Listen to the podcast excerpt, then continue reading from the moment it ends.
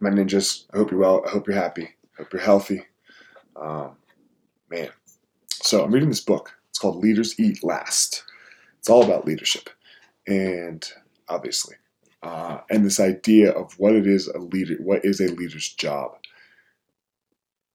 And there's, it breaks it up into sections, and there's this one section that's on integrity.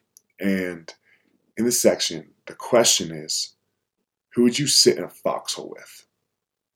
Where your life was in his hands and his life was in, in your hands. And the author of the book, Simon Sinek, he's telling this story. And the story goes like this. Uh, he, he's getting ready to interview this general, this Marine, uh, this Marine officer. And they're at officer's school. And the Marine is, the, the officer's late.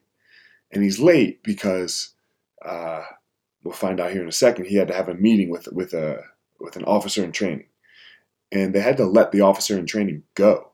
They had to, they fired, they kicked him out of officer school, and the Simon Sinek goes, well, why? why? Like, what did he do? And the the general goes, he he fell asleep on watch. And, and Simon Sinek's like, you got to be kidding me, man! Like he made one mistake like that, he falls asleep on watch, and now like his his career is just over. Like that's it. And it's the the general goes, it's not that he fell asleep on watch, it's that he lied about it. And when we gave him the opportunity to fess up to his lie, he he kept lying until we showed him the video of him asleep on watch.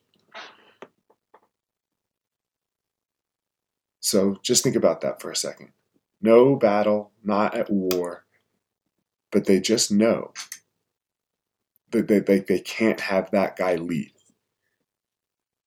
Because in a foxhole, he would only do what's right for him. That's not a leader. And I don't care who you are. I don't care if you're leading a group of individuals or if you're leading a business or if you're just leading your life. The question is can you sit in the fucking foxhole with yourself? Do you have integrity?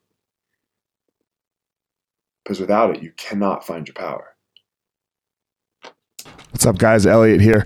Um, before we get started, I have started a Patreon account. Patreon is a place where you can go to help support the podcast. Uh, I would greatly appreciate it if you are finding it useful. I have one tier right now um, for the first 50 people. You will get all of the short hitters, all of the little inspirationals on Tuesday, Wednesday, Thursday. They're going to move behind the Patreon, so you, you'll have to subscribe to get them and then also a monthly Ask Me Anything and a recipe and a jiu-jitsu technique uh, will all come directly to you. And that's it. So patreon.com backslash Elliot Marshall. And thank you all for your help.